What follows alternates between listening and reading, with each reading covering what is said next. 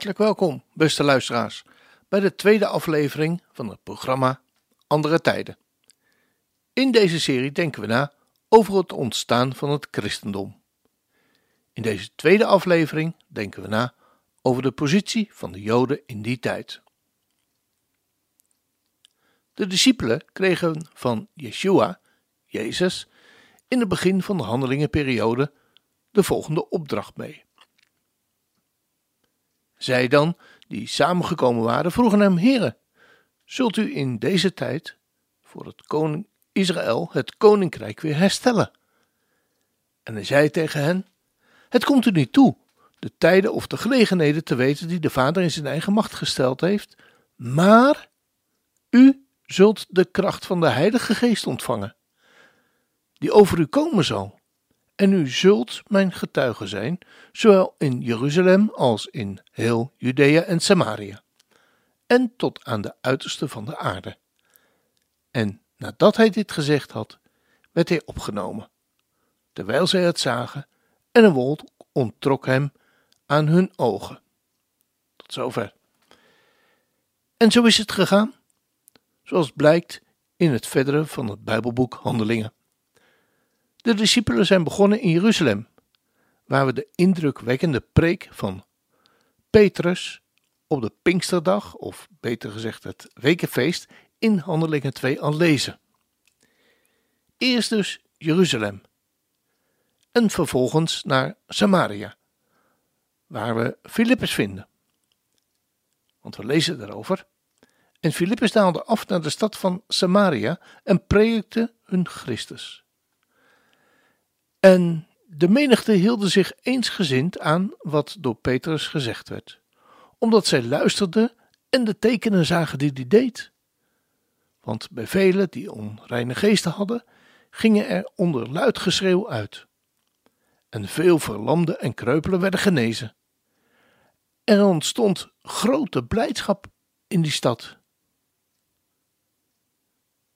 En even later lezen we van Paulus.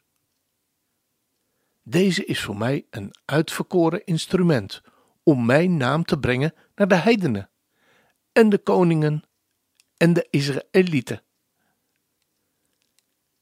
Het Joodse volk stond in die tijd van de handelingen, maar ook daarvoor, onder de heerschappij van de Romeinen.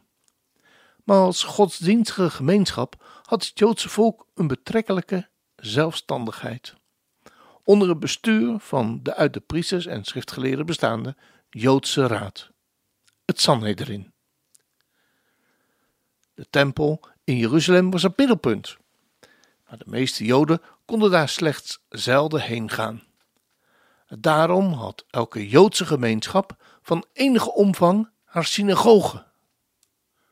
Daar kwamen op de Sabbat de Joden bijeen rondom de Torah en de profeten. Door het bestuderen van de Torah en de boeken van de profeten ontstond er een groep van schriftgeleerden, die naast de priesters de geestelijke leidslieden van het volk werden. Ondanks de grote vrijheid die de Romeinen aan de Joden lieten, lag er in deze tijd een zware geestelijke druk op dit volk. Velen was het onverdraaglijk dat Gods uitverkoren volk door de heidenen werden geknecht. Het volk boog zich onder het juk van de Romeinen. Maar er leefde eveneens een sterke verwachting dat de nieuwe tijd voor de deur stond, waarin God de heidenen zal richten en het volk, dat zijn wet lief heeft, verhogen zal. Deze verwachting van het koninkrijk betekende tegelijkertijd de verwachting van de komende Messias. De nieuwe tijd is de Messiaanse tijd. Die verwachting leefden in het hart van velen. Johannes schrijft dat de mensen bij de intocht van Jehoshua de takken van palmbomen namen en gingen uit hem tegemoet en riepen: Hosanna! Gezegend is hij die komt in de naam des Heren. Hij die is de koning van Israël. Messiaanse verwachting en strenge wetsvervulling zijn de beide polen van de Joodse godsdienst. Nodig is dat de wet van Mozes in zijn geheel op het leven wordt toegepast. Vaak bracht deze houding mee dat de innerlijke gezindheid ten gevolge van de veruitwendigende plichtsbetrachting vergeten werd. Het kleine wordt dan groot en omgekeerd. Ook ver buiten Palestina woonden vele Joden. We noemden hen de Joden uit de diaspora, de verstrooiing. Als handelaren leefden ze in alle grotere steden rondom het oostelijk gebied van de Middellandse Zee en in Rome. In Alexandrië vormden ze zelfs een derde van de bevolking. Ze genoten het voorrecht van eigen rechtspraak en waren om hun overtuiging vrijgesteld van het offeren aan de keizer. Door het gedwongen contact met de heidenen konden ze de wet niet zo streng houden als hun volksgenoten in Palestina. En toch bewaarden ze hun geloof zo zuiver mogelijk. Vooral door de diensten in de synagoge en het vasthouden aan de feesten die God hen geboden had. Hun taal was het Grieks en hun Bijbel de zogenaamde Septuaginta, de Griekse vertaling van het Oude Testament. Veel heidenen ergerden zich eraan, aan de eigenaardigheid en de afgeslotenheid van de Joden. Maar ook velen werden juist daardoor aangetrokken in deze tijd. Van het zoeken naar houvast. Joodse geschriften en de strenge moraal maakten indruk. We onderbreken het programma even voor muziek en komen dan zo weer bij u terug.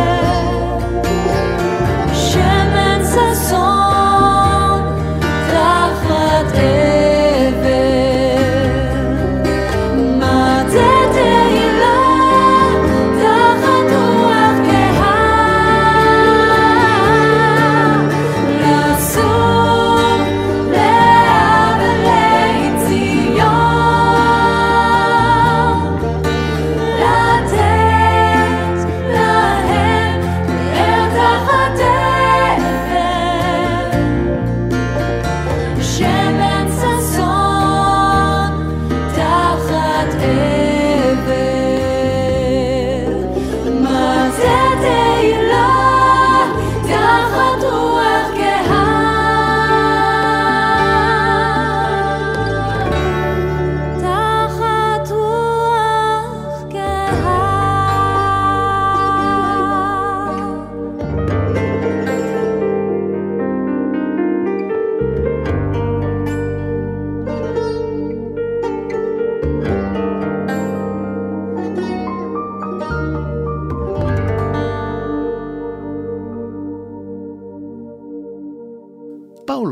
Is op zijn zendingsreizen steeds naar de synagoge gegaan.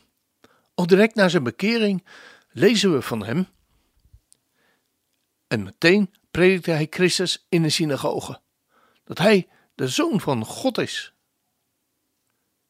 Echter, aan het eind van de handelingenperiode lezen we dat de Joden niet luisteren naar de zaligheid van God aan de heidenen gezonden is. En die zullen luisteren.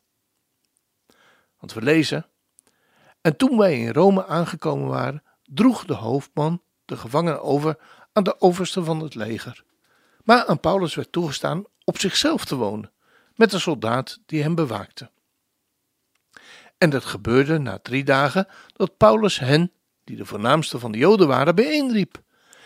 En toen zij bijeengekomen waren, zei hij tegen hen: Man en broeders, ik, die niets gedaan heb tegen het volk of de gewoonte van de vaderen, ik ben uit Jeruzalem als een gevangene overgeleverd in de handen van de Romeinen.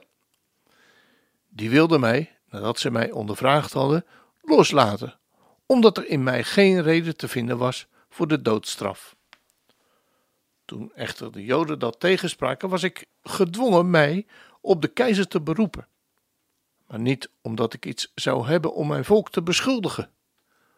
Om deze reden dan heb ik u bij mij geroepen, om u te zien en met u te spreken. Want op de hoop van Israël heb ik deze boeien om. Maar ze zeiden tegen hem: Wij hebben geen brieven met betrekking tot u uit de Judea ontvangen. En ook heeft niemand van de broeders die hier gekomen zijn iets verkeerd over u gemeld of van u gezegd. Maar wij willen wel graag horen van u wat u denkt. Want wat deze secte betreft, is het ons bekend dat ze overal tegengesproken wordt. En nadat zij voor hem een dag vastgesteld hadden, kwamen er velen naar de plaats waar die verbleef. En hij legde hun het koninkrijk van God aan hen uit en getuigde ervan. En hij probeerde hen van smorgens vroeg tot aan de avond toe, zowel uit de wet van Mozes als uit de profeten, te bewegen tot het geloof in Yeshua. En sommigen lieten zich wel overtuigen door wat er gezegd werd, maar anderen geloofden niet. En ze waren het niet met elkaar eens en ze gingen uiteen nadat Paulus dit ene woord gezegd had. Terecht heeft de Heilige Geest door Jezaja de profeet tegen de vaderen gezegd: Ga naar dit volk. Met het gehoor zullen zij u horen, maar beslist niet begrijpen. En zien zult u zien, maar beslist niet opmerken. Want het hart van dit volk is vet geworden. En ze hebben met de oren slecht gehoord en hun ogen hebben ze dicht gedaan, opdat zij niet op enig moment met de ogen zouden zien en met de oren horen en met het hart begrijpen en zij zich zouden bekeren en ik hen zou genezen. Laat het u dan bekend zijn dat de zaligheid van God aan de heidenen gezonden is en die zullen luisteren. En nadat hij dit gezegd had, gingen de Joden weg, heftig onder elkaar, onder elkaar redetwistend. En Paulus bleef twee volle jaren in zijn eigen gehuurde woning en ontving alle die naar hem toekwamen. Hij predikte het koninkrijk van God en gaf onderwijs over de Heer Jezus Christus, over Yeshua Amasiach, met alle vrijmoedigheid, ongehinderd. Tot zover deze tweede uitzending en aflevering in het licht van het ontstaan van het christendom. In de volgende aflevering willen we stilstaan bij het ontstaan van de gemeente.